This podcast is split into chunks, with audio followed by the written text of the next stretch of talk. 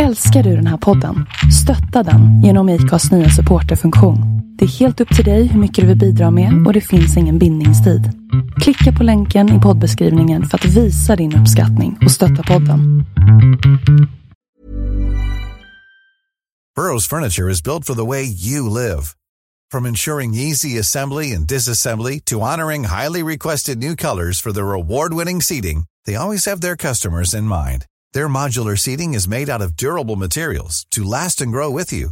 And with Burrow, you always get fast, free shipping. Get up to 60% off during Burrow's Memorial Day sale at burrow.com slash ACAST. That's burrow.com slash ACAST. burrow.com slash ACAST. I'm Sandra, and I'm just the professional your small business was looking for. But you didn't hire me because you didn't use LinkedIn jobs. LinkedIn has professionals you can't find anywhere else, including those who aren't actively looking for a new job but might be open to the perfect role, like me. In a given month, over 70% of LinkedIn users don't visit other leading job sites. So if you're not looking on LinkedIn, you'll miss out on great candidates like Sandra. Start hiring professionals like a professional. Post your free job on linkedin.com/people today. Man får ju liksom testa vad som funkar. Alltså varje gång som jag testar något nytt koncept på min kanal så kör jag några videos, ser vad folk tycker om det, är det ens någon som märker, ser jag någon skillnad och sen liksom låter jag det ramla in i mitt vanliga content, de delarna som jag testat. Mitt namn är Linda Hörnfeldt och du lyssnar på avsnitt 139 av We Are Influencers. Frida Järnspets har blivit känd som TikTok-Frida och hon startade sitt konto för bara några år sedan, 2019, tillsammans med sin syster. Efter några videos så blev kontot mer Fridas och från att ha dansat till att nu köra mer pratvideos så har hennes konto vuxit sig till snart 400 000 följare. När följarna vill se mer av det som är personligt och från alla delar av ditt liv, var går gränsen mellan att vara personlig och privat? Kan man bli för personlig och öppna upp sig för mycket? Har man, var går gränsen för ens integritet? I det här avsnittet så pratar vi även om just det här, vad är skillnaden på att vara en kreatör och en influencer? Är det någon skillnad och varför vill inte Frida kalla sig för just influencer? Du får också höra om hur Frida jobbar för att utveckla sitt content, vad hon köpte till sin katt som gjorde både henne och hennes följare väldigt glada, eh, vad som gör att hon inte får så mycket kritik, om att vara sårbar i sociala medier och hur hon går tillväga när hon faktiskt gör en TikTok-video från början till slut. Allt det här och mycket mer kan du höra i min intervju med Frida Järnspets. Vill du också ha tusentals följare, jobba på dina egna villkor och samarbeta med stora varumärken? Jag hör dig. Att vara sin egen chef och att skapa som jobb, det är fantastiskt. Men det är också hårt jobb. Så innan du ger dig in i en tuff bransch med höga krav, ladda ner min gratis nybörjarguide med de sex första stegen till att bli en framgångsrik influencer. Du hittar den på lalinda.se influencerguide. lalinda.se influencerguide. Hej och varmt välkommen TikTok-Frida! Tack så mycket! Eh, du, du, har ju ett annat namn också, Frida Järnspets heter du på, på riktigt. Ja, inte så många som vet om det dock. Men... jag har läst på, vet du. Jag har gjort research. Men alltså, det är så jäkla kul att du är här. Du är ju liksom ett fenomen eh, på TikTok och eh, ja, nu vill jag bara lära mig allt. Jag vill lära mig allt. Den här tanten ska nu lära sig allt om TikTok. Eh, ja. Och jag har ju hängt där ett tag, men ehm, jag, jag vet inte, it's too much pressure. Ja. men, men alltså du, berätta lite om, berätta från början, vem är du, vad gör du? Det vet vi ju, men uh, do, the, do, the, do the thing. Okej, okay. uh, jag heter Frida Järnspets, jag är 21 år gammal. Uh, jag ja, men har börjat från ingenting i princip. Jag var en vanlig tjej som gick i tvåan på gymnasiet och bestämde mig för att ladda ner TikTok. Det här var då 2019 tror jag. Eh, och det var där min resa, liksom, sociala medieresa började egentligen. Så jag började lägga upp lite videos och sen blev till samarbeten som sen blev till ett företag och nu är det här min heltidssyssla. Eh, ja. Det, det, var, det var en ganska kort hopkokad version. Men alltså, jag, jag, jag, jag, jag, tycker att det här är så spännande, att, för det är jättemånga som um, är liksom, du vet, det känns som att det finns olika generationer. Först har vi liksom blogggenerationen, sen så har vi eh, ja men typ YouTube-generationen tror jag kom lite däremellan och sen har vi Instagram-generationen och så sen nu har vi TikTok. Jag skaffade TikTok när det hette Musical.ly, så gammal är jag. Um, Oj, så tidig var inte ens jag. Nej, du ser. Jag har ett, ett klipp från den tiden då jag typ mimar till någonting. Um, det är det här som är grejen med att vara tidig på någonting, då har man alla de här skämsgrejerna kvar. Gå, gå inte ja. tillbaka på min YouTube. Um, nej men alltså, uh, för grejen är den att du har ju liksom gjort det här som det är så många som, som tänker att de vill göra, att det bara hände. Liksom. Man har inte riktigt, ja. eh, man hade ingen strategi från början, det här är något som utarbetar sig över tid och nu har du vad då, 300 Ja, du vet siffrorna efter trean glömde jag liksom bort. 389, mm. ja, 389 000 följare på, på TikTok. Mm. Berätta, vad, hur gick det till? Ja, alltså som du säger, jag hade ju ingen strategi. Och alltså, det låter så dumt om man ska försöka förklara bara så här, men hur började allting? Och jag bara, ja, alltså jag typ la upp lite videos och sen så gick det bra.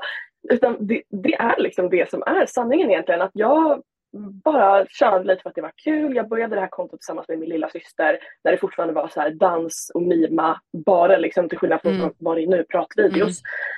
Mm. Eh, och vi la upp lite danser och sen så blev det lite mer mitt konto och då blev hon jättearg för att jag tog över det här kontot. Och eh, sen så blev det väl mer att man träffade andra TikTokare, typ kom på att det fanns nya nischer. Att så här, och man kan göra typ humorvideos, man kan göra sminkvideos. Det blev mycket mer än bara så här dans och lek och skoj liksom. Mm. Och sen så började väl jag inse någonstans när jag fick typ mina första samarbetsförfrågningar som var urusla, men jag tyckte de var jättebra. Så jag bara, men så. gud, det här går ju liksom, ja, men precis, det, det går ju liksom att göra pengar på det här. Det går liksom mm. att göra en business av det här och då väcktes något litet i mig för att jag har aldrig liksom haft ett jobb som jag har varit så här, gud vad kul jag har på jobbet. Det är ju inte så många som har det i och för sig, men jag ville verkligen ha något som, som jag brinner för. Liksom. Och då sa jag till mina föräldrar, för jag bodde ju ja, jag bor fortfarande hemma, men då bodde jag hemma och så sa jag att jag kommer ge det här två år efter att jag slutar gymnasiet. Och eh, om det inte funkar då så får jag skaffa ett vanligt jobb på ICA. Mm. Typ. Eh, och så efter ett halvår så eh, hade jag en väldigt stabil inkomst. Eh, så det, det gick väl bara gradvis uppåt egentligen. Alltså jag har aldrig haft någon så här superpeak att jag har haft någon video som liksom exploderade och jag fick 100 000 nya följare utan det har liksom gradvis bara trappats uppåt visningsmässigt och eh, följarmässigt. Eh, och det är där jag är idag. Men tror du att det också kanske är en bidragande faktor att för nu, för jag tänker jag vill, vill liksom prata om hur det känns att ha, och, för du är ju fortfarande väldigt ung och att ha en sån mm. extremt stor följarskara för jag tänker så här, det, fann, det fanns ju många YouTubers eh, back in ja. the day som liksom blev skitstora över en natt. Eh, och jag tror att många hade svårt att hantera det. Det blev, mm. det blev liksom väldigt eh, påfrestande av många olika anledningar, men också, för jag tänker så här, om det är någon som blir en stor artist eller skådespelare eller du vet, det finns ändå, det finns ett team bakom, det finns någon typ av warning signs att så här, det här kommer, this is gonna blow up. Och då finns det ett support där. Jag tänker att du och många andra liksom, kreatörer, vet, man bor hemma eller man bor i en lägenhet någonstans. Det finns liksom inte, det finns inga portar, det finns inga grindar, det finns ingen, det finns ingen, um, det finns inget liksom skydd, eller vad man ska säga, mellan dig och, och följaren på gott och ont. För jag tänker det är också det som, jag tänker på det du sa att om du ska bli stor på TikTok så måste du skapa en sekt. Mm. Och eh, jag gillar den videon för att det var så här, jag förstår att det är också lite så här, ja men du vet, man trycker på lite punkter och så där. Men, ja. men det är ju det. Det är ju det som är grejen, att man känner att man kommer nära någon. Ja, verkligen. Det är det personliga som folk vill ha. Det här med att man bara ser någon som är snygg och rik och lever ett liv man aldrig kommer kunna leva. Den tidens influencer är ju utdaterad, tycker jag i alla fall. Nej, men jag, jag, eh, jag, jag vill ju hålla med. Också. Jag vill ju hålla Ja. med. Alltså, det är ju det här relaterbara som någonstans också är det hållbara. Men jag tänker också att de flesta har ju varit relaterbara från början. Men sen Precis. När det har liksom dragit iväg, hur tänker du där? Hur, hur, how do you stay grounded? Nej men det, det där är intressant. Jag, jag läste på lite om det där de senaste dagarna. För det var någon som, det är tjej, jag följer en tjej som gör så här resebloggar och resevideos. Och så var det någon som kommenterade att hon saknade när den här tjejen då som nu reste Emirates eh, 100 000 dollar Mm. flygbiljett första Mm. Hon började sakna tiden när du lärde oss vad vi skulle ha i vår backpacking-ryggsäck. Och när du Exakt. tågluffade till destinationer du skulle till. Och det där slog verkligen hårt för att det är verkligen någonting som jag vill stanna i att vara samma Frida, samma TikTok-Frida som jag var 2019 vill jag fortsätta vara. Därför att det är liksom därför folk började följa mig. Mm. Jag försöker verkligen att inte liksom visa en livsstil eller typ visa saker som gemene man inte kan uppnå eller köpa Mm. själva. Och om jag visar någonting som är typ väldigt lyxigt eller gör någonting som är väldigt dyrt så brukar jag ofta säga att så här, det här är inte normalt. Eh, Mm. och det här är inte någonting som jag gör varje dag. Liksom. Det är någonting som jag börjat fokusera på på senare tid för att jag insåg att så här, gud, jag tycker inte om när mina favoritinfluencers liksom åker på en 100 000 kronors resa medan jag sitter och kollar billigaste flygbiljetterna på Tubi. Liksom. Det är inte Exakt. relaterbart och man tycker ju om de som är relaterbara. De som jag följer det är ju de som jag skulle kunna vara. Alltså de som Mm. har samma klädstil, typ också bor hemma fast de är lite för gamla. Eh, Ja, men 21 är väl ändå det, du är fortfarande safe. ja, men det, När det är du börjar passera på gränsen. 30, då är det som... Då är det Ja, lite... nej, men man, man vill ju ha liksom en kompis. Ja. Eh, att man känner att man själv skulle kunna leva det livet. Och jag vill liksom aldrig bli någon så här lyxinfluencer. Och det är klart man, när man började tjäna mer och mer pengar på samarbete, att man började unna sig lite saker, en väska eller en dyrare resa eller sådär. Men jag vill liksom aldrig bli orelaterbar. Därför att då försvinner ju hela poängen med att vara en livsstilsinfluencer, tycker jag i alla fall. Jag tänker att det, det är liksom, det blir lite, det är lite dubbelt. Jag, jag tänker tillbaka på, um, det, det var liksom en period där typ alla typ drog till Dubai. Alla Mm. fick, eh, fick pressresor till, du, till Dubai. Och då gjorde Sandra Beijer och Flora Wiström, eh, två liksom bloggare verkligen in i själen.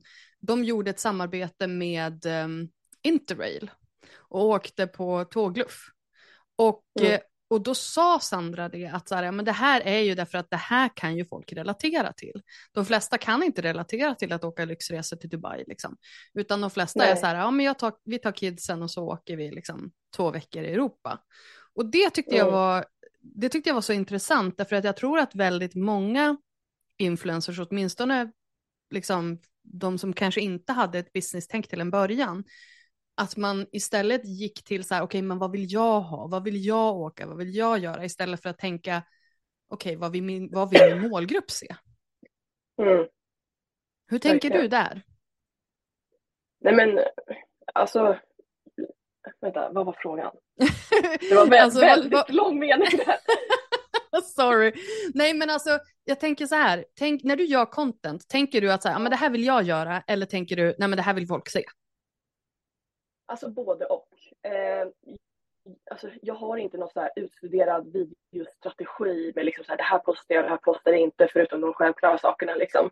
Eh, men jag försöker att göra det jag vill göra, men alltid relaterbart. Inte så att jag Mm. liksom fejkar så att det blir relaterbart, utan alltså, nu vill inte jag låta så här quirky pick me, men alltså jag tror jag är ganska relaterbar. Att så här, jag, jag är bara helt normal, alltså det är liksom inget extraordinärt med mig. Alltså, jag tycker verkligen inte att jag är en sån influencer som jag tänker på när jag hör influencer. Att liksom så här lyxliv och ditt och datten liksom.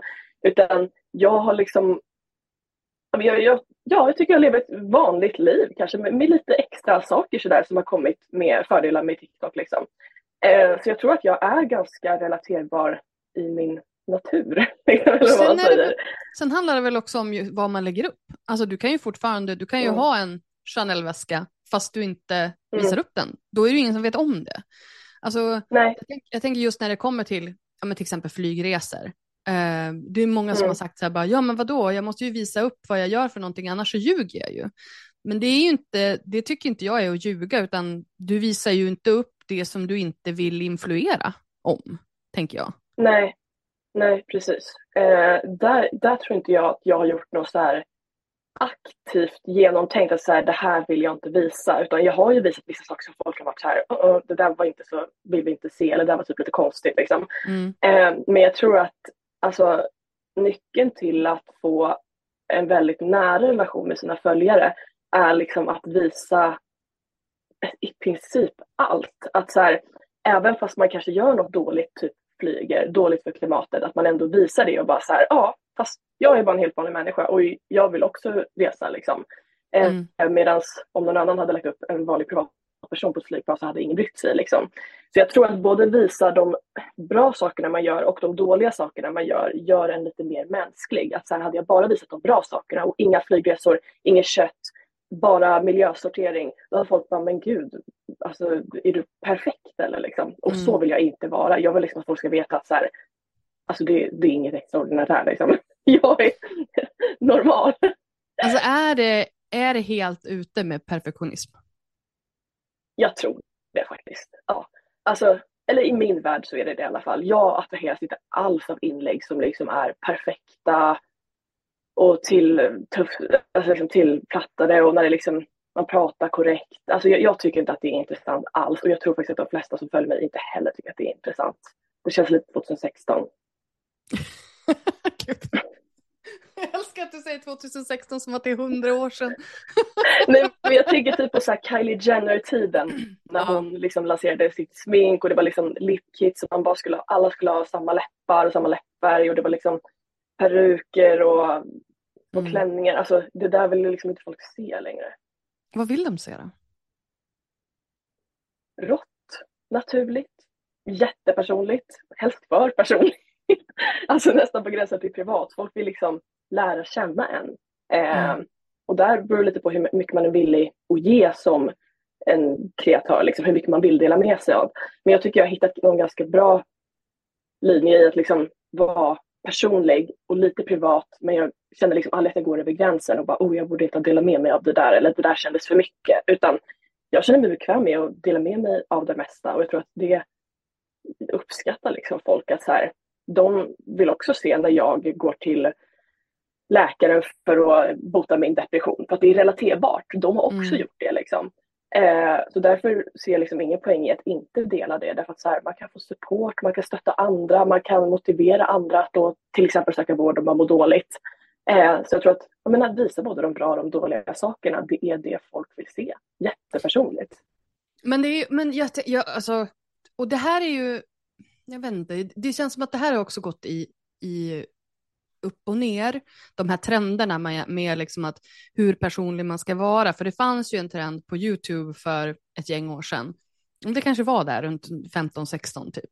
Att då skulle det gråtas ut och det skulle vara superpersonligt och det skulle vara så här. Men, men jag, jag är bara så här, vet man om när man passerar den gränsen? Har man liksom, vart är den integritetsgränsen? Jag är bara rädd att man ge bort mer än vad man är bekväm med för att man ska få visningarna. Liksom.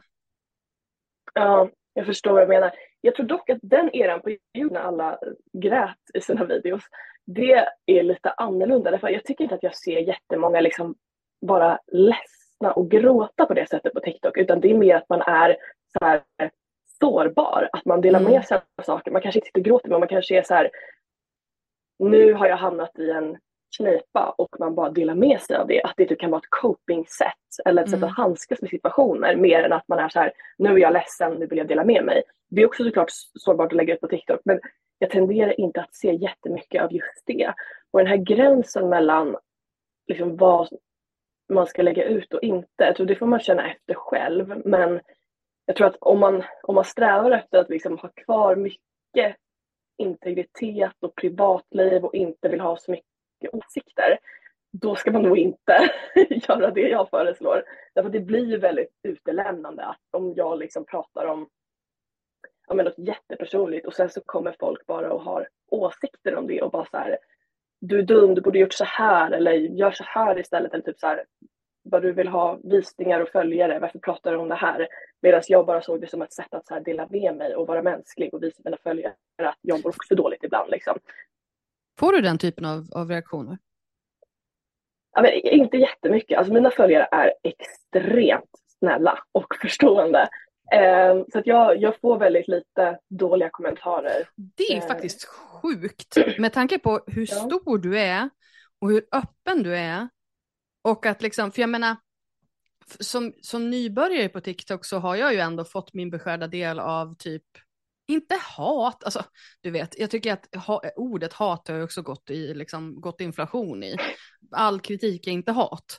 Eh, men liksom så här, ja men du vet, trista kommentarer, typ att nej men du är för gammal eller du ska, du, du vet, alltså sådana saker och jag är så här bara, ja ja, alltså I know, det är ju inte någonting nytt, men du vet att det inte, jag får ju the warm and fuzzy feeling när jag är på Instagram, det är ju liksom, där är det varmt och skönt och, och härligt för mig. Och det kanske är en generationsgrej, I don't know.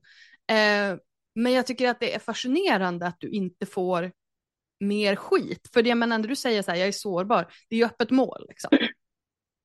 För Ja, folk att vara Ja, elaka. verkligen. Ja, alltså.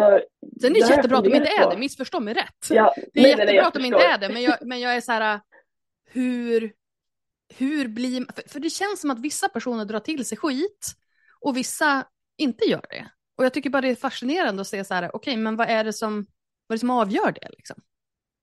Ja, men det är jätteintressant. Jag har också försökt klura lite i det här eh, på senaste. Alltså, det finns väl lite olika teorier. Jag tror att delvis så kanske det kan vara att många av mina följare har ju liksom kommit ganska tidigt. Jag tror första året så fick jag typ 150 000 följare, så de är liksom från 2019, 2020. Eh, och jag, alltså, jag har en teori om att när man har följt någon väldigt länge och man har liksom gått igenom stadierna i livet tillsammans och ja, men man nästan tror att man känner mig så Mm. kanske man inte är lika benägen att Nej. skriva hat. Absolut, jag håller helt med dig. Ni är ju jag. kompisar. Ni är ju kompisar, men jag menar Ja, sen de här precis. 150 000 så har du ju fått 150-200 till.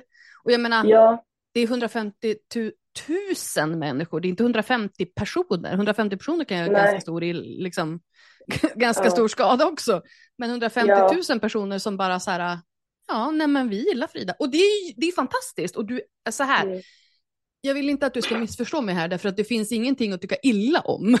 nej, dig. nej, det är nej, inte det, jag vet försöker få fram här. Utan jag är bara fascinerad att man kan vara, att man kan ha en så enormt stor följarskara och vara typ helt förskonad. Medan vissa har typ så här 2000 följare och får Ja. skitmycket skit. Jag tycker, det är, Mm. jag tycker det är intressant. Är det liksom lite flockmentalitet? Eller liksom, Alltså, jag tror att det kan vara lite flockmentalitet. Att, jag vet ju själv att om man går in i ett kommentarsfält och tonen är dålig redan från början, då börjar man ju också själv tänka i de banorna, så här, om den här videon kanske inte var så bra eller det hon sa kanske riktades sådär. Liksom. Men om man går in och alla kommentarer är positiva, då tänker Ja. man ju direkt att så här, ja, men då vill jag också tycka som dem. Alltså, det är ju så psykologin funkar, att om alla tycker dåligt, då är man mer benägen att tycka dåligt. Liksom. Ehm, och jag tror kanske att det är lite det. Jag går också in ibland och tar bort kommentarer som jag tycker är tråkiga.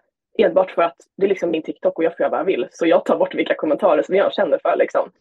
Eh, och det har fått lite åsikter om också. Men, det Nej, fast jag gillar det. Men- Jag gillar det så här. Det här demokrati och liksom yttrandefrihet, det är när staten begränsar vad du får säga och inte. Och den gäller Mm. inte. Jag är inte staten, jag får begränsa vad fan jag vill på, på mina Ja, kanaler. Jag, jag har alltid sagt att så här, min, min blogg, som det främst var då, då, det är mitt vardagsrum. Och du kommer inte in i mitt vardagsrum och snacka skit om mig eller snacka skit till Nej. mig. För att då är du inte välkommen. Liksom. Nej, precis. Och jag, försöker, alltså, jag tror också att videorna jag lägger upp är ju inte så liksom, provocerande eller så här, nu ska vi starta debatt och liksom sådär. Även fast jag har lagt upp vissa saker där jag verkligen har tagit en ty- tydlig ståndpunkt. Mm. Eh, så alltså min, min liksom grej på TikTok har aldrig varit att skapa debatt. Delvis för att jag tycker att, ja, men med vissa undantag då, delvis för att jag tycker att liksom, TikTok är inte ett bra forum att ha debatt på. Kommentarerna är alldeles för korta, det är alldeles för rörigt i kommentarsfältet. Vissa stänger av sina duett eller stitch-videos, då kan man inte svara på den videon. Jag tycker att det är ett väldigt dåligt forum att liksom ha en debatt på. Då är till exempel Instagram eller typ mail mycket bättre där man liksom kan hålla koll på vad folk skriver och vem som tycker vad. Eh, och det här har jag pratat om tidigare, att jag tycker inte TikTok är en debattforum liksom. Och jag vill inte skapa det, lite den känslan på min TikTok-kanal, utan det ska liksom vara glatt och positivt, men också liksom dåligt ibland, eh, men inte liksom på ett så här aggressivt liksom ja, men provocerande sätt. Mm. Men då tycker jag det, det, blir, det är väldigt intressant just det här, för jag, jag lyssnade på en annan TikToker som sa också, eller jag bara, var det du? jag tror, nej, jag tror att det här var en amerikansk, eh, som var så här, alla pratar om nisch, men på TikTok är det ju liksom personlighet först. Och det köper jag. Ja. För att det som är så, anledningen till att TikTok är så, alltså inte förlåtande ska jag inte säga heller, men, men att du inte behöver vara så supernischad är ju för att det du får, om, åtminstone om man kör den här liksom Facetime till, till kameran-grejen, du får ju direkt personligheten. Och mm. video är ju såklart det absolut enklaste sättet och, eh, att eh, bygga relation till någon. Jag har, försökt, jag har tjatat på folk på Instagram i tusen år att de behöver visa sitt nylle liksom. Därför att om vi ska bygga relation till någon så vill jag inte bara se ditt vardagsrum hela tiden, nobody cares. Eh, utan jag vill ju se dig. Och på TikTok är ju det standard, eller typ. Mm. Eh, mm. Så frågan är ju, måste man Alltså kan, kan, man bygga en, kan man bygga ett konto på TikTok utan att vara den där äh, kompisen? Eh, jo, men det kan man ju. Alltså, det, jag har faktiskt inte jättemycket erfarenhet eller liksom insikt i just för det här att liksom bygga varumärke utan att nillet är varumärket. Mm. Liksom så. Eh, men det går väl. Alltså, delvis så vet jag vissa som har gjort som så här sociala experiment att de bara har ljugit ihop en personlighet och visar den istället för sin riktiga. Och det blir lite en skyddsmekanism att så här, här är jag online-person och här ja. är min verkliga person som ingen känner.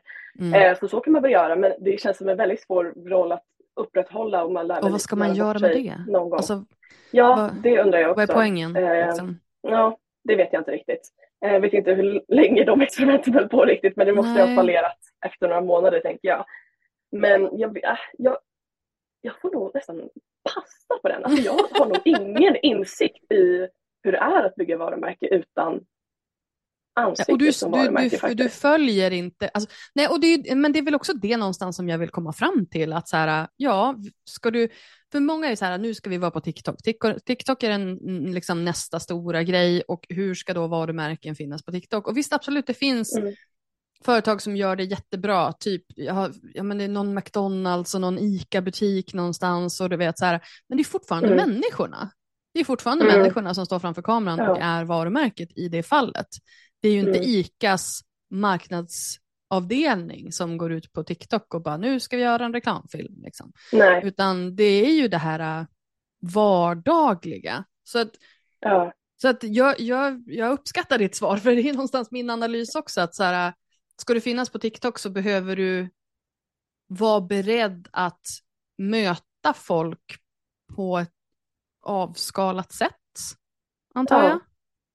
Ja. Och sen tänker jag att det kan ju också vara, alltså jag har sett många som liksom har tagit med sitt jobb som de har utanför TikTok till TikTok. Typ så här, folk som jobbar som konsulter eller folk som ja, men har ett helt vanligt arbete på bygge eller på kontor som tar med det till TikTok och typ berättar om så här, så här funkar det bakom kulisserna. Mm. Och då antar jag att alltså, sådana konton jag tycker jag är lite intressant när man får veta liksom bakom kulisserna och då är det väl kanske inte nödvändigtvis personen som är i fokus utan mer det de pratar om eh, och faktan kring liksom mm. det här jobbet och sådär. Eh, till exempel, det är många flygvärdinnor som är på TikTok mm. där personligheten inte är jättestark men jag tittar fortfarande på hela tre minuters video för att det är så intressant och kul att se vad som händer i kabinen bakom när man själv ja. sitter och kollar på film. Liksom. Ja, ja men, och, och, men du är fortfarande så här, du måste ju fortfarande stå framför kameran och prata med den. Alltså, det är fortfarande ja. den, även om du inte är personlig så är det fortfarande så här, du måste, du måste våga göra den grejen. Eh, så det är inte mm. någonting för någon som inte eh, är lite av en linslus. Nej, nej, egentligen så är det nog så. Okej, okay, så behöv, man behöver visa upp sitt face, man behöver vara eh, väldigt personlig, gärna på gränsen till privat. vad, vad mer behöver man göra för att lyckas med TikTok? Ja, ja, gud ja. Vad köra. Vad mer behöver ja, man göra men, för att lyckas på TikTok? Ja, alltså om målet är att göra det jag har gjort, om jag ska försöka liksom, dra en analys, så det jag har gjort är att delvis dela med mig av mycket olika saker. Jag har ju absolut ingen nisch utan jag kan göra allt från att nu ska jag renovera mitt kontor till så här är jag mitt gällack på naglarna till nu har jag köpt en vagn till min katt liksom. Eh, så det är väldigt alltså, Förlåt med den videon. Alltså den här kattvagnen. Jag satt ju och så, jag har så, såklart bingeat din, ditt innehåll inför den här intervjun. Du har alltså köpt en Ja. barnvagn till din katt. Kan vi bara stanna här en liten Ja. stund? Jag har ju en djurpark, jag vet inte om du har sett det, det går förbi lite djur här bakom, Ja. bakom Ja. mig då och då. Jag har två katter, tre, eller två, 203 katter och nio höns. Om inte någon nu har fastnat under den snöhögen som rasade ner från mitt tak, om det ligger någon höna Oj. under där så är det eventuellt en minus där. Ja, jag vet. Det, men höns, du vet, det är inte lönt att fästa sig vid hönsen därför att du vet, det kommer en hök där och så sen så, du vet, det, det händer saker hela tiden. Det blir plus Mm. minus liksom. Eh, men, men eh, så att jag kan relatera till det här att så här, jag har inga barn, men jag har en massa djur. Dock Mm. tänker jag så här, de behöver ju också promenera. så det här med att köra runt Ja, med en men vagn. det får hon göra också. Jag- jag- Det där, det där är löst. Alltså, jag berätta berätta mer om den här vagnen. Nej men jag beställde på Amazon. Eh, för att jag hade sett den på TikTok. Ja. Eh, så jag, nästan allt jag köper är ju liksom man har sett någon som har på TikTok så klickar man hem mitt i natten liksom. Ja. Eh, och nej, men, igen hon det älskar den. Det är en jättebra vagn med liksom massa olika funktioner. Alltså, det är typ som en barnvagn. Jag minns när min syster var liten, hon hade typ en exakt likadan fast med en sittdel. Liksom. nej, men, så jag tänker att den här vagnen kan man använda som transport. Att till exempel att om vi går från vår lägenhet till en skog och sen släpper ut henne. Istället för att man ska liksom konka henne under armen. så. Ja, ja. Eller om man Mm. till exempel ska åka in stan. Jag ska på ett möte. Varför skulle jag inte kunna ta med min katt i en vagn? Liksom? Om folk tar med sin hund i en väska borde väl jag få med min katt i en vagn? Jag Fullt rimligt. Jag är, helt med. jag är helt med på din liksom, train of thought här. jag älskar det. Jag älskar det. Jag älskar också din nya besatthet av, av Lululemon. Ja. Eh, Vad jag, kommer det nu? ja, jag ser detta. jag shoppade ju Lululemon när jag bodde i New York för typ 12 år sedan. Eh, så Ja. de, har, de har hängt med. Men jag, jag, och det här är, det, det är så roligt det du säger, att, så här, ja, men att allt du köper är från TikTok. Därför att jag kände ju på en gång, jag bara, oh, Lululemon, det var länge sedan, det Mm. kanske man ska köpa, oh, man kanske ska köpa en vagn till sin katt. Alltså, du vet, man Mm. sugs ju in i det där, därför att du blir ju min bästis på en gång. Mm. Det är mitt mål. Vad glad jag blir att du säger det. I'm sneaky like that. Nej, men det känns som att det är, lite så här bästis, bästis gäng på TikTok. Alltså, tro det eller ej, men liksom, jag känner ju också att mina följare är mina bästisar. Att så här, jag någonstans typ litar på dem, hur sjukt det än låter. Att så här, jag litar på dem att de inte kommer tycka att jag är pinsam eller tråkig Ja. eller jobbig eller skämmig. Eller liksom att jag ja, men har ändå nog lite trust, eller ganska mycket trust i mina följare. Så att jag dels kan känna mig väldigt öppen och berätta om typ vad som helst. Ehm, och dels dela med mig av de dåliga sakerna. Och till exempel den här kattvideon landade ju otroligt bra. Vad har den nu? Typ 40 000 likes och 400 000 visningar. Alltså Helt folk vill se så här tokiga saker. Att liksom, Ja. För mig så var det bara så här, ja en kattvagn.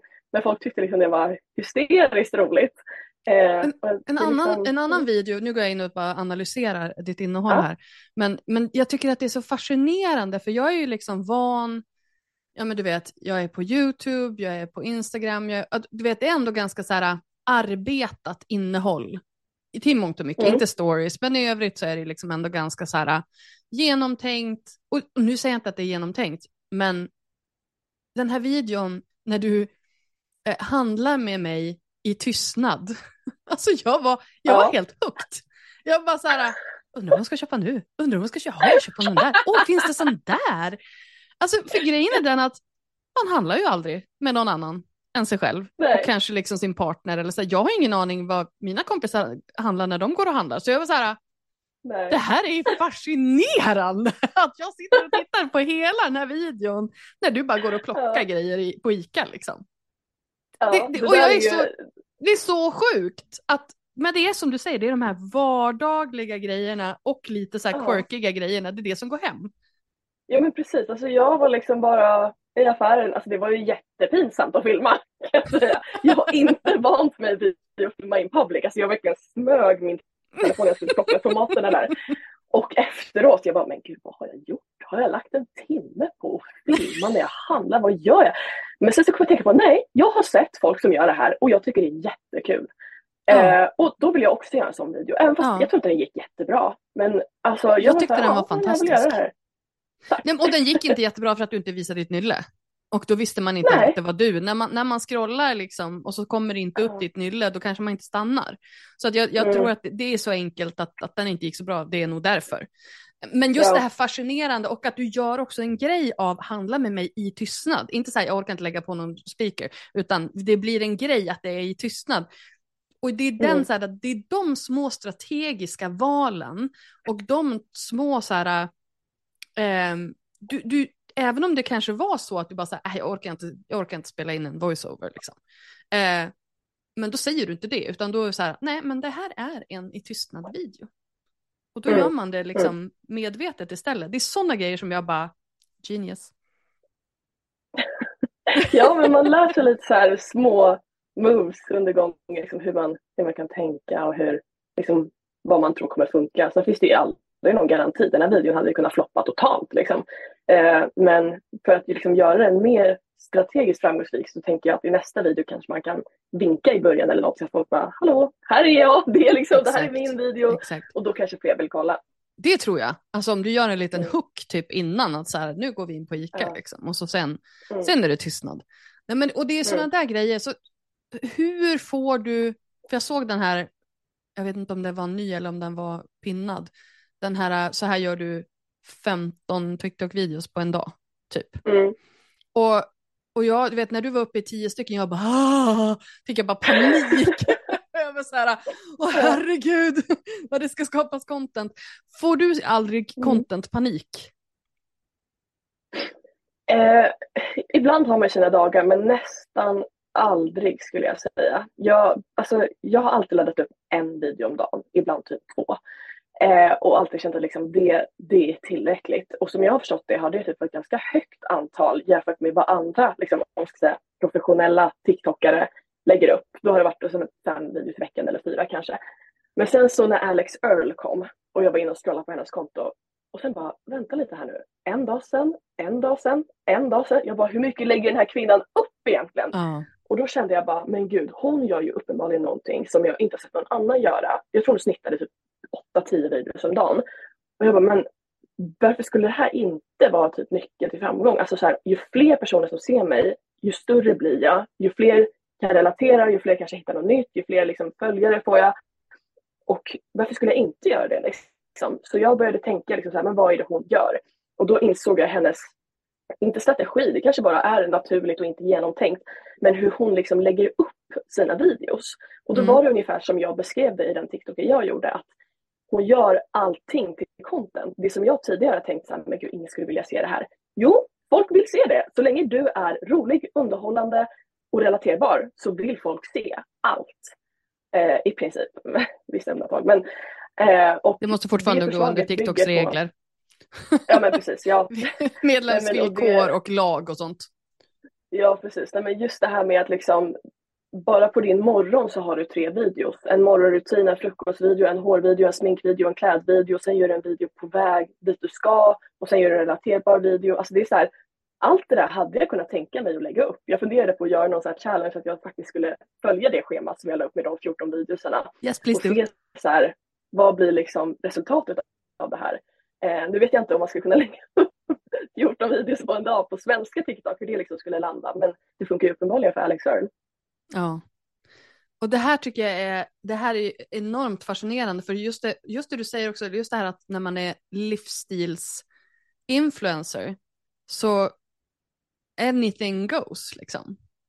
Men du Mm. känner aldrig att så här, jag har ingenting att säga idag. Ing, det är ingenting intressant här idag. Du har Nej, aldrig PMS. alltså jo, det har jag. Då kan man prata om det. Då kan man göra en video om det. True. True. Då blir det liksom menstips och så här lindrar du mensvärk och det här kan du äta för att lindra liksom. Men nej, jag tror, alltså det är sällan jag har eh, liksom torka på idéer och det är många som har frågat det tidigare. Att har de inte slut? Hur kommer jag på nya saker? Men jag tror att man har hamnat ganska lätt i det här mindsetet när man har jobbat eller gjort med det här ett tag. Att så här, man lär sig att se saker överallt. Sen är det ju vissa dagar som det går trögare än andra dagar. Alltså till exempel förra veckan, då bara flöt det på. Jag spelade in liksom tio videos om dagen. Medan den här veckan har det varit lite mer så här segare. Jag får tänka lite mer. Så här. Men ursäkta, jag ska bara stänga till här. Eh, och, eh, men eh, ja, alltid så. Det finns någon liten idé där bak. Men jag tänker också att det blir lite så här, äh, du vet, när man väl har fått igång, du vet, maskineriet. Eh, Ja, och ju, ju mer content man gör, desto fler idéer får man. Ja. Ehm, Så att jag tänker att det kanske också håller igång. Men, ja 100 procent. men okej, men om vi ska titta på TikTok versus andra kanaler. Har du, Ja. har du andra kanaler? Har du gett några andra kanaler någon, någon, eh, någon chans? har du, Ja. Vad är liksom den stora skillnaden? Alltså jag har ju Instagram, Youtube och så hade jag en podcast förut. Eh, Instagram, du sa att det var ditt liksom safe space och där kändes det varmt. Eh, det är tvärtom för mig. Jag känner mig så stel och tråkig och jag, liksom, jag har ingen koll. Eh, jag vet liksom inte ens när jag ska lägga ut en bild och jag har typ inte lagt upp en story på två månader. Eh, så det är inte riktigt min plattform. Jag underhåller det ändå för att liksom, det är ändå folk som följer mig där. Men dock så har jag gjort så att jag gör inga samarbeten på Instagram eftersom att det känns inte schysst mot mina följare. Nej. Eftersom att jag lägger upp kanske, förutom när jag reser, då lägger jag upp varje dag. Men jag kanske lägger upp typ så här två gånger i månaden när jag är i Sverige. Mm. Och att då sen slänga upp ett samarbete och bara så här, jag vet inte, jag laddade upp på tre veckor, men eh, köp den här tandblekningen. Alltså det känns inte så schysst. Nej, och inte så Eh, schysst så det- mot eh, annonsören heller. Nej, precis. Så jag säger nej till alla samarbeten på både story och Instagram. Eh, så det har jag bara för att underhålla typ. Eh, Youtube var inte riktigt min grej heller. Det var för långt. Eh, jag har verkligen vant min hjärna vid det här short form content. Och jag tror att det är det jag är bäst på också. Jag kan inte underhålla i tio minuter i sträck. Alltså jag kommer bli utbränd. Nej, men alltså jag, jag liksom, jag, min hjärna kan inte hålla igång så länge. Det är perfekt. Man gör en TikTok, vilar lite, så ger man en till TikTok. Istället för att filma en hel dag, en YouTube-blogg. Och, ja, men det kändes alldeles för stort. Och redigera och det ska vara musik och rättighet. Alltså, det är så mycket svårare än TikTok tycker jag. Så kudos till alla YouTubers där ute. Alltså, jag vet inte hur ni orkar. Eh, och sen podden hade jag eh, väldigt kort stund därför att vi det har varit väldigt öppen med vi hittade ingen sponsor. Det var ingen som ville ha oss. Eh, så vi la ner det, det, för det blev alldeles för dyrt. Men det var Mm. jättekul. Vi vill verkligen komma tillbaka till poddformatet. Men efter att ha testat alla de här plattformarna så är det verkligen TikTok. Alltså ingenting slår det. Det är kort, Mm. det är lätt, det är spontant, det tar inte så mycket tid. Det är liksom allt jag vill ha. Men om man ska liksom, om man ska komma igång med det här då, för att nu blir jag så här, min hjärna går ju, går ju loss här, för att jag hade, jag gjorde ju liksom ett, ett, ehm, ett, ett starkt försök här i typ november, december, att nu ska jag starta TikTok, nu, nu ska det här hända, liksom. Gjorde ett gäng videos och gjorde dem liksom bara på nischen. Mm. Eh, och absolut, det har ju liksom, jag har fått lite följare, fick typ en video som gick viral för mig, eh, 60 000 visningar. Mm.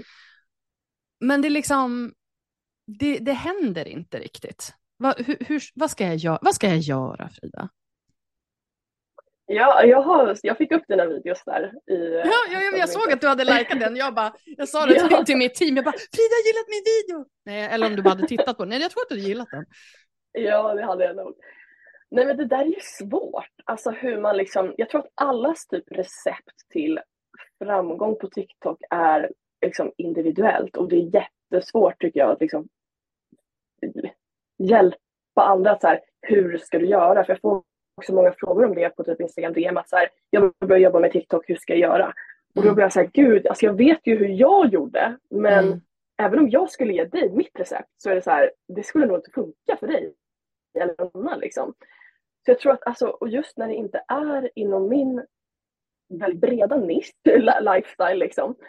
Eh, så det, är väl, det är väldigt svårt att liksom så här, det är klart man kan ge tips, alltså, ladda upp ofta, eh, ha bra ljus och ljud i dina videos, och bra kvalitet och använd hashtags så att du kan söka på ditt content liksom. Eh, och så. Men utöver det så, det jag egentligen brukar säga det är typ så här, var dig själv. Men det är ju det tråkigaste tipset man kan Jag ge vet, någonsin. jag vet. Men, men det är ju någonstans det som är, det är det svåraste och det enklaste. Därför att man själv Mm. är ju så jävla trött på sig själv, speciellt efter 42 år så är man så här, åh gud, vi har gjort det här nu, kan vi hitta på något nytt? Eh, men just det här att faktiskt liksom någonstans landa i, okej, men vad tycker jag? Vad, vad, vad, vad tycker jag? Hur, alltså, jag tycker jag är ganska rolig. Men hur ska jag få fram det? Hur ska jag få fram det på 30 Alltså, sekunder? man- man- liksom?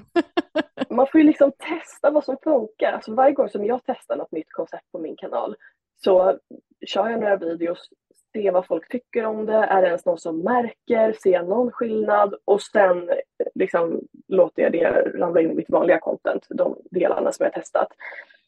Eh, men det, alltså, det, det är jättesvårt. Alltså, man kan ju vara rolig i alla settings tänker jag, även om man pratar om marknadsföring eller om bygge eller om kläder eller personlig livsstil så kan man ju liksom inkludera sin personlighet mer eller mindre i de här olika kategorierna. Då, då. Men jag tror att man, ja, man, får, man får bara testa sig fram vad som funkar. Man tittar på statistiken, vad gillar folk? Kolla hur, hur andra gör. Alltså man får ju ta inspiration från andra. Jag inspireras jättemycket av andra TikTokare och liksom ibland gör likadana videos som de är väldigt populära. Eh, så att allt handlar om att liksom lära sig se mönster, lära sig analysera sin statistik, se hur allting funkar tillsammans och ta det därifrån. Man kan liksom inte ge någon ett recept bara så här att gör så här. Därför att det, det funkar inte. Och de som säger att de kan liksom kom till oss, så kan vi ge dig ett recept på hur du blir framgångsrik på TikTok. Alltså det tycker jag är en scam. Därför att det funkar inte så. Nej, TikToks algoritm är ju för det första sjukt mycket bättre än Instagrams algoritm och det är därför det har blivit så liksom enormt. Eh, därför att jag har liksom så här, ser jag färdigt på en video om, alltså det är så underliga hörn av TikTok man hamnar i. Eh, jag har hamnat i typ, eh, ja, BookTok har jag gjort en liten sväng in i. Jag har hamnat i förklimakteriehörnet av, av TikTok. Det är väldigt intressant. Eh, Ja. Och så har jag hamnat på KinkTok var jag en liten sväng. Eh, Mm. Och sen vissa dagar tror TikTok att jag är lesbisk. Ja. Ja. Så Man det- hamnar lätt på sånt här. Men den är så snabb. Om man ser Ja, färdigt på en video om någonting specifikt. Jo, just, just, just det. Ju- Just nu så är det det här tonårsfiltret eh, som dyker upp hela tiden för mig. Är du för ung för det här eller? Det dyker inte upp för dig? Nej, Jag tror inte jag vet vilken det är. alltså det, och det här får jag hela tiden nu, men det är ett filter som, som faktiskt är sjukt bra, som gör att man ser ut som man såg ut när man var tonåring. Jaha. Du är så nära där så det, det är nog ingen skillnad. Men du vet när, när, någon, när folk lägger upp typ det, det, om man har typ lite rynkor eller att man ser någon som är typ 50 och så drar på det där filtret. Mm. Och så var det någon som bara Oh there she is.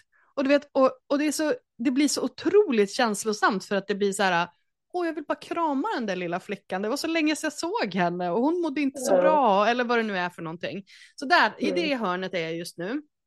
Min Mm. poäng är att ser du färdigt på två videos inom en trend, då är bara algoritmen bara japp, let's go. och så får du Mm. liksom allting från, från det hörnet av TikTok.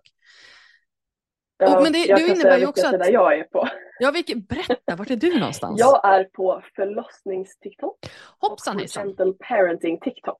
Ja, vad hände där? Är det kattungen eller? De närmsta åren. Nej, alltså jag, jag tror att, jag vet inte, jag, jag är väldigt intresserad av så här uppfostran och just någonting som heter gentle parenting. Alltså hur man uppfostrar sina barn på ett mer gentle eller snällt Mm. sätt än vad vi har gjort i tidigare generationer. Och jag tycker det här är så intressant, även fast jag liksom inte har några egna barn så tycker jag att det är så intressant att lära sig om psykologin bakom det. Och liksom, jag kan nästan se fram emot att använda de här metoderna och den här liksom filosofin på mina barn när jag får några. Eh, och förlossnings-TikTok, det vet jag faktiskt inte riktigt hur jag hamnade där. Det, det, Vad hände där? Eh, ja, Dagligt det trauma. inte. Men det är också jätteintressant. Ja, liksom Men alltså- så här doulas och ja, hela köret. Men det där är ju sjukt spännande att så här, oavsett vem du är, för att om folk, det är många som säger nej men jag fattar inte TikTok, det, det, det är bara, det blir bara tramsigt och jag bara, men alltså spendera ett par timmar där. Då kommer, Mm. då kommer han ha lärt sig och, och då, då är det kört. Musikaler har jag också, väldigt mycket musikaler. Ja.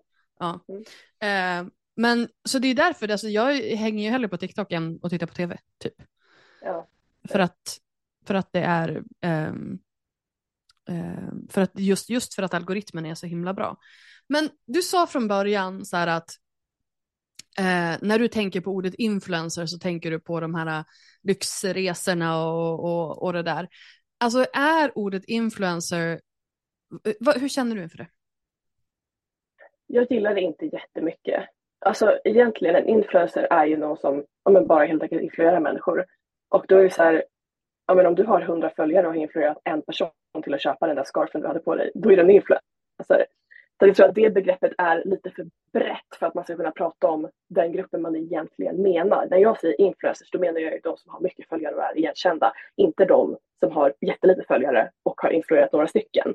Så jag tror att ett bättre liksom, begrepp är typ kreatör mm. kanske. Det är väl lite samma men jag tycker kreatör låter bättre. Alltså delvis har jag varit väldigt försiktig med att kalla mig själv för influencer därför att folk hatar det. eh, alltså folk som liksom inte är influencers liksom sätter den i ett fack direkt. Då. Mm. Jag brukar inte kalla mig själv för det. Utan mer en typ TikTok-kreatör eller ja, jag brukar säga att jag jobbar inom marknadsföring ibland. Rimligt, rimligt det gör du mig för hårt liksom. Eh, så det, det, är inte mitt favoritbegrepp. Eh, och jag tycker att det är intressant därför att jag har ju någonstans här äh, försökt kämpa för att det inte ska bli så skamfilat som det har blivit. Och jag, jag känner också att så här, media har ju haft att göra med det, att det har, inte, att det har liksom blivit lite skamfilat. För att Adam Serry som är chef på Instagram, han, eh, han frå, det var någon som frågade i en sån här frågelåda han hade, eh, hur han liksom definierade creator versus influencer. Och då sa han att kreatörer, ja, men det är ju de som skapar innehåll på plattformen och liksom får en följarskara in, inspirera folk. Medan influencers, det är de som tjänar pengar på samarbeten.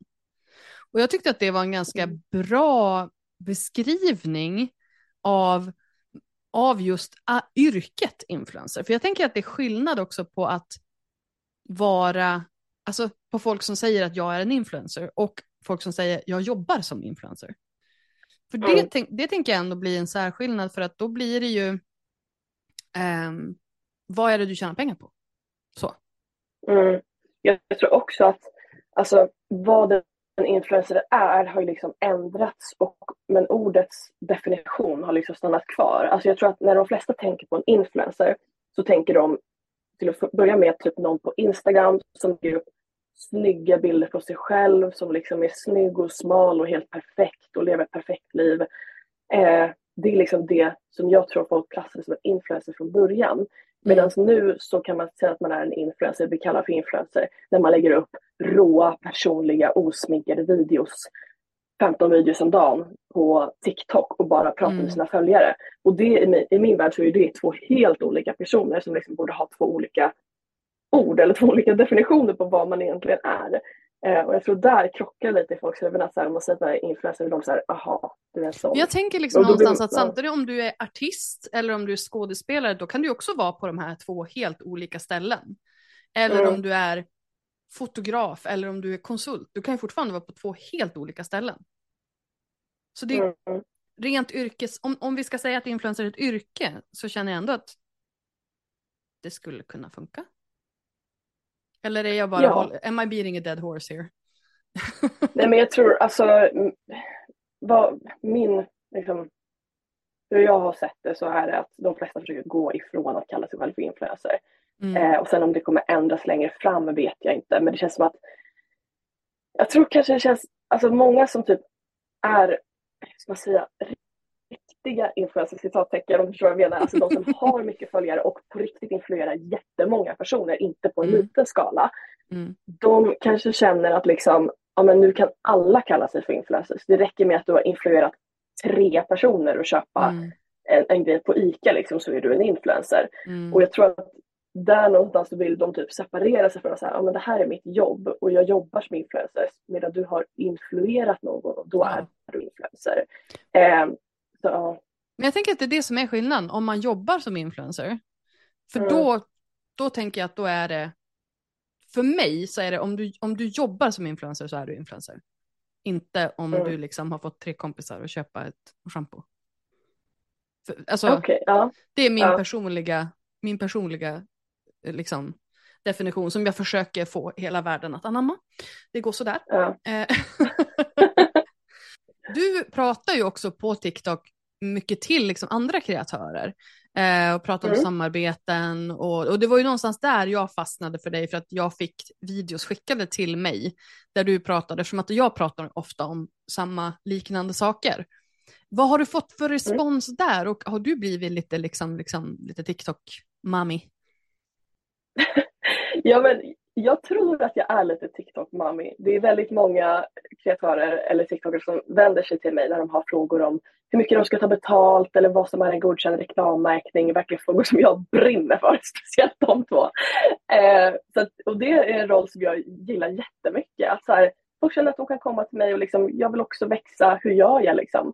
Eh, så att det känns helt underbart att man liksom kan vara en sån roll i nybörjare TikTokares liv men också erfarna liksom, som fortfarande inte vet hur man tar betalt. Eh, och jag tror att alltså, det är svårt när man gör videos riktade till kreatörer eftersom att de flesta som följer mig är ju inte kreatörer. Så när jag Mm. lägger ut en video att så här, så här fungerar marknadsföringslagen eller så här ska du ta mer betalt från ditt samarbete. Det är ju egentligen nästan ingen av mina följare som kan relatera till det. Mm. Så där har jag, alltså jag har backat lite på den fronten. Eh, jag gjorde ju ett konto som var dedikerat till marknadsföringstips Mm. och så här kan du göra. Men det Mm. blev ju borttaget efter 24 timmar för de trodde att jag var fejk tror jag. Jaha, jag ja, men det följde jag. Eh, ja, det, det, var väldigt, jag var jättetaggad på att starta det kontot men det försvann och sen gav jag upp. Eh, men jag, istället för att liksom dela med mig av sådana tips på min TikTok-kanal som en del av mitt vanliga content så gör jag istället så att jag säger att om det är någonting, hör av er till mig så svarar jag på det privat istället. Mm. Men för det där är ju också någonting som jag verkligen brinner för, att liksom professionalisera det hela. Och om man inte kan Mm. betalt, om man inte kan följa lag, då är man ganska körd som liksom, professionell person i ett yrke. Eh, Ja. Så att där, där får vi liksom kroka arm och eh, bekämpa orättvisorna tillsammans. Ja, men precis. Ja, alltså det, jag håller verkligen med om det att man måste göra det mer professionellt. För det, det jag tänker det är att alltså, jag har fått upp ögonen att det är så många som jobbar med TikTok eller som claimar att de gör det och sen inte har koll på någonting. Mm. Och där så vill jag någonstans alltså typ informera om att det finns så mycket mer. Liksom så här, det handlar Ja. inte bara om att ha massa följare och sen göra samarbeten där du får betalt på Swish eller Paypal. Nej. Eller i, betalt i produkter till och med. Utan det Nej. finns mycket mer. Du kan starta ett företag och du kan liksom köpa saker på företaget som kan gynna din business och du kan. Skaffa en revisor. Alltså det finns så mycket mer man kan göra men folk har liksom en sån här liten TikTok-värld som de lever i och jag vill bara visa Mm. att här, det finns mer. Det finns Mm. lagar du måste förhålla dig till och det finns prissättningar som du måste ha koll på. Och hur formulerar man sig i ett mejl istället för att bara skriva på Instagram med olika företag. Alltså Mm. jag vill liksom att folk ska förstå att det är mycket mer. Alltså, you speak in my language girl. det, där, men det där har ju verkligen varit min, alltså mitt varför någonstans i min business, det är ju att hjälpa primärt kvinnor att våga liksom kliva in i sin egen kraft på något vis och, och, och våga vara sig själva och också då faktiskt också kunna tjäna pengar på det. Och det är precis Mm. det du gör i till 100 procent, alltså just det här att, att verkligen ta de här vardagliga sakerna, göra en spin på det, göra en video på det och liksom få 200 eller 390 000 följare. Det är ju fantastiskt när, när egentligen det, det enda du gör är att vara dig själv. Inom citationstecken för de som Mm. inte ser oss. för jag förstår Ja, att det, nej, inte, det är det, är, det är klart det inte är så enkelt, men det är egentligen. ju, det är ju så coolt. Ja, men det, alltså, jag kan nog säga ändå att det är ganska enkelt för mig. Alltså just videoskapandet som är liksom hela grunden till allt jag gör. Det är inte så svårt. Alltså så här, I början kanske det var lite, men nu är liksom allt så automatiserat att så här, det är inte jobbigt. Alltså jag har inte ett jobbigt jobb. Sen finns det ju såklart saker runt omkring som blir jobbigt, till exempel om du får en hatstorm eller om Skatteverket kommer och är dig hack i häl och försöker hitta någonting. Eller om liksom, det går dåligt ibland så är det också en jättestor, blir en ångestklump. Liksom. Men jag tycker inte att mitt jobb är svårt. Sen finns det ju såklart influencers som har en helt annan typ av content som lägger ner liksom timmar och timmar på sina videos, sitter uppe på nätten och redigerar. Men jag har liksom inte den typen av content som kräver 24 timmars attention från mig, utan jag gör mina videos och sen så är det klart med den delen. Så det är liksom, det här har jag pratat ganska mycket om på min TikTok och fått också kritik för att så här, hur kan man ens klaga på någonting om man jobbar med TikTok? Men det är inte själva videoskapandet som är Nej. problemet. Alltså det är det som är runt omkring som man liksom Mm. inte har riktigt räknat med. Typ hatstormar. Det är liksom det, Mm. det som kommer first to mind när jag tänker på saker som är jobbigt. För det är typ bara det som jag tycker är jobbigt. När det liksom så Mm. helt plötsligt kommer massa folk som bara hatar en för att man är sig själv och då blir det så här. Exakt, det är ju de, det är de bitarna. Och det är det, det, är det någonstans Ja. jag menar. Blir man då lite skraj för att vara sig själv? Alltså för att vara sårbar? Mm. Alltså, jag har absolut satt restriktioner på vad jag säger och inte och typ hur jag paketerar vissa videos när jag säger saker som kanske kan uppröra. Men vissa hatstormar, jag tror att jag har haft fyra stora som har varit så här, verkligen tagit en bit av min Mm. själ och sprungit iväg. Typ. Eh, Efter dem så har jag verkligen alltså typ blivit rädd för att lägga upp vissa saker. Mm. Inte att jag liksom begränsar mitt konto utan att jag bara så här, eller jo delvis kanske begränsar, att jag liksom delar inte med mig av vissa saker därför att det är inte värt det potentiella hatet. Och att jag tänker väldigt mycket på hur jag formulerar mig och innan jag, det enda liksom genomtänkta jag har i mina videos. Eh, för min process är verkligen bara jag ställer upp kameran och filmar när jag känner för det. Men därefter så går jag verkligen igenom och granskar videon. Skulle folk kunna reagera på det här, det här, det här? Skulle jag sagt det där på ett annat sätt? Hur kan det här tolkas? Det ordet var i fel ton så hela meningen blev upprörd liksom. Eh, och sånt tänker jag väldigt mycket på. Liksom, är det rätt timing att prata om det här ämnet? Hur kan det här landa? Vad ligger det för grejer under den här hashtaggen? Liksom sånt där. Och det, Mm. det har nog gått lite för långt för min del eftersom att jag, alltså, jag har liksom aldrig varit nära på att bli cancelled och jag, jag tycker inte jag har någonting att liksom bli cancelled för just nu. Men, eller Just nu i alla fall. Också hoppas jag såklart. Nej, men framöver också. Eh, men ändå så går jag runt varje dag och är liksom jätterädd för att bli cancelled för att det här är hela min värld liksom. Eh, och för att jag ser hur lätt andra bara faller av plattformen och blir cancellade. Liksom. Eh, så det har liksom blivit en konstant skräck att så här, men gud tänk om folk bara misstolkar en enda liten grej och så är allt kört Mm. liksom, även fast jag inte menar något dåligt. Och det är väl lite jobbigt. Är det så, är, är det liksom så, liksom drop of a hat, så då är, du, då är du körd. Om du gör ett misstag så är du körd. Men man har ju sett vissa som det har gått så för. Liksom. Jag tror verkligen, alltså, eller jag vet att inget sånt kommer liksom hända mig därför att jag gör inte sådana saker som skulle kunna få mig cancelled. Liksom. Jag skulle aldrig lägga upp något sånt eller göra något sånt. Men jag är bara rädd att folk typ ska misstolka saker jag säger. Att så här, jag menade något bra men folk tolkar det till något dåligt. Liksom. Mm. Och när den, är, när den drevet är igång, då går det inte att stoppa. Nej precis, då blir det ju den här tonen i kommentarsfältet igen. Att en Ja. tycker det är dåligt, då tycker den andra att det är dåligt sen kommer den tredje och alla bara hakar Ja. på. Liksom. Det måste ju ändå vara någonting som är... För, för jag menar, för grejen är den att i början när vi pratade, då, då, då var det så här, nej men gud det är så enkelt och jag, jag gör videos och det bara är så här. Men nu är det ändå så här att du, du tänker igenom och det ändå går ganska mycket, det tar ett par varv innan det är någonting Ja. som åker upp. Ja, men det, det är ändå ganska snabba varv. Så det är inte någonting som liksom är så jobbigt utan det är ganska automatiserat nu att så här, jag vet vad jag ska kolla efter och jag vet Mm. vilka jag kan skicka min video till för att dubbelkolla. Liksom. Det är Mm. en process där jag skickar till mamma, jag skickar till syster, jag skickar till kollegan och liksom sådär. Ehm, så det är inget som tar mycket tid eller är jobbigt utan det är mer att alltså den här stressen som ligger bakom hela tiden att så här, tänk om någon misstolkar det jag säger. Mm. Alltså jag, jag är väldigt rädd för att få hat och jag tror delvis att det är för att jag inte har blivit det kanske låter fel, men härdad. Att så här, jag har liksom Mm. aldrig fått så här kontinuerligt hat hela tiden. Så att jag har liksom inte lärt mig Vilket ju filtrera är bort de där bra sakerna. egentligen. Ja, men det är jättebra, men då blir det så, sen när det väl kommer, det blir Ja. liksom som att Det blir som käftsmäll. gud, det här är det största som har hänt någonsin. Hur ska jag någonsin kunna gå vidare liksom? Mm. Det är så det har känts när de här hatstormarna har kommit. Alltså att det bara är typ 4-5 stycken under alla mina år och alla tusentals videos liksom.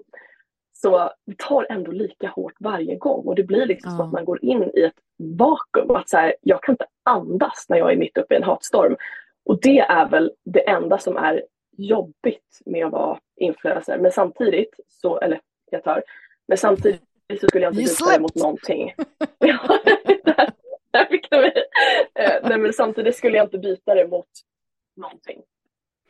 Nej, för jag tänker att är, kan du separera TikTok-Frida från Frida? Eh, jo men det kan jag nog. Eh, lite tveksamt svar där därför att Ja. alltså, jag tror att Alltså jo, det finns en annan Frida som i TikTok inte känner som är liksom den Fridan som är hemma med mamma liksom och är med sina bästa bästa vänner. Den Frida är ju inte TikTok-Frida. Mm. Eh, men jag tror att alltså, det är ju fortfarande jag, men det är bara en lite mer så här avslappnad version. Att så här, "Åh, nu kan jag andas ut. Jag vet att min mamma kommer inte hata på mig och min mamma kommer inte cancella mig och ifrågasätta allt jag säger och vrida och vända på mina ord. Så jag kan bara så här, relax. Nu kan jag Mm. liksom sådär. Men jag är ju fortfarande 100% mig själv på TikTok också. Men det är bara mer, en mer, lite mer genomtänkt version för att hålla god stämning. Liksom. Mm.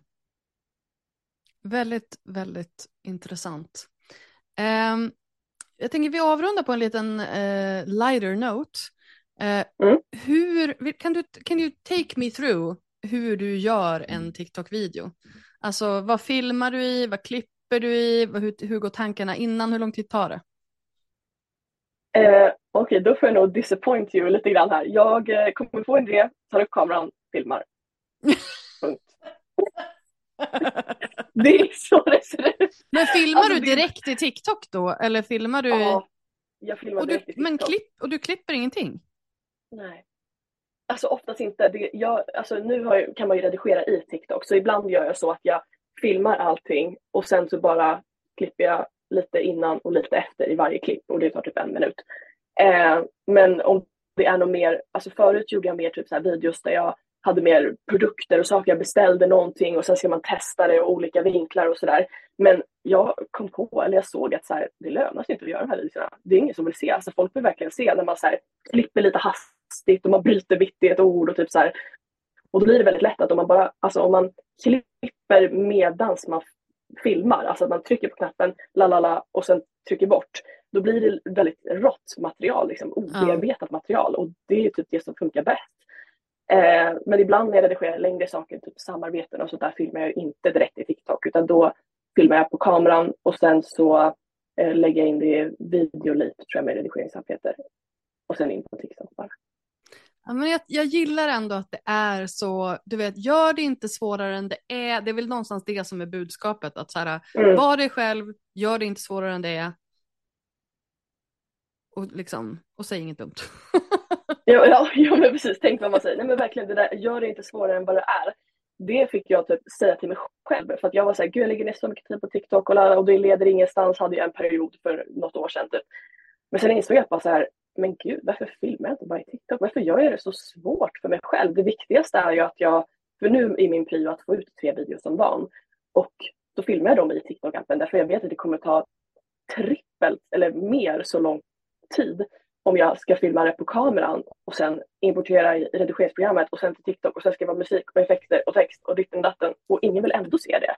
Så det är lika bra att bara göra tre videos i TikTok och få det gjort. Och så är Ja. allt bra liksom. Varför skulle man inte göra det så enkelt som möjligt när det är det folk vill ha? De vill inte Ja. ha en jättebearbetad video på min kanal. Nej men alltså, jag, jag älskar det. Jag älskar den liksom, så här, att ta ner ribban. För att många är så här, ja men gud video, då blir det helt plötsligt jättesvårt. Men just det här Mm. som du säger, och TikTok har ju också ändrat sina, alltså just det här att man kan redigera där och att det blir bra. Man behöver inte dra in tredjepartsappar och grejer. Mm. Utan bara gör det enkelt. Men du, Ja. vad, vad, är, vad är liksom nästa steg för dig då? När ska du släppa en egen klädkollektion med Lululemon? det hade varit en dröm. eh, nej men jag har, gud nu måste jag vara så här jättejobbig influencer. Jag har en massa spännande på gång jag som jag inte kan berätta om." Jag har något spännande på gång. kan berätta. Nej men eh, det är delvis ett eh, helt nytt företag eh, som jag är partner i som eh, kommer göra någonting. jag kan inte säga någonting. Och sen så är det lite eh, podcastgrejer på gång eh, på två olika håll. Vad spännande. Det blir en, Ja. en ny podd alltså. Ja, kanske det. Kanske. Ja, men Inte du, riktigt som folk tror tror jag. Nej, men vad spännande. Ja, men du, det ska bli väldigt spännande att hålla utkik efter. Eh, tack snälla Frida för att du var med. Tack för att jag fick vara med. Tyckte du om det här avsnittet? Då får du hemskt gärna dela det på Instagram och tagga mig att lalinde och hashtag weareinfluencers. Vill du ha hjälp med att utveckla din egen influencer business? Gå till lalinda.se influencer för mer information om hur jag kan hjälpa dig utveckla dina sociala kanaler. Tack för att du har lyssnat på det här avsnittet. Vi hörs nästa gång. Ha det bra. Hej då.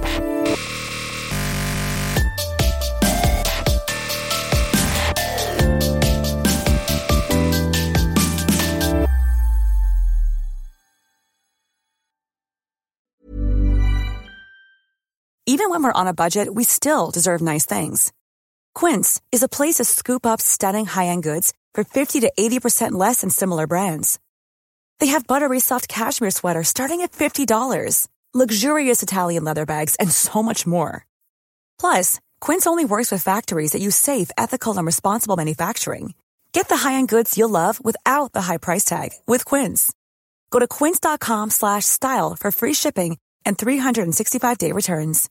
Imagine the softest sheets you've ever felt. Now imagine them getting even softer over time. That's what you'll feel with Bowl and Branch's organic cotton sheets. In a recent customer survey, 96% replied that Bowl and Branch sheets get softer with every wash. Start getting your best night's sleep in these sheets that get softer and softer for years to come. Try their sheets with a 30-night guarantee. Plus, get 15% off your first order at bowlandbranch.com. Code BUTTERY. Exclusions apply. See site for details.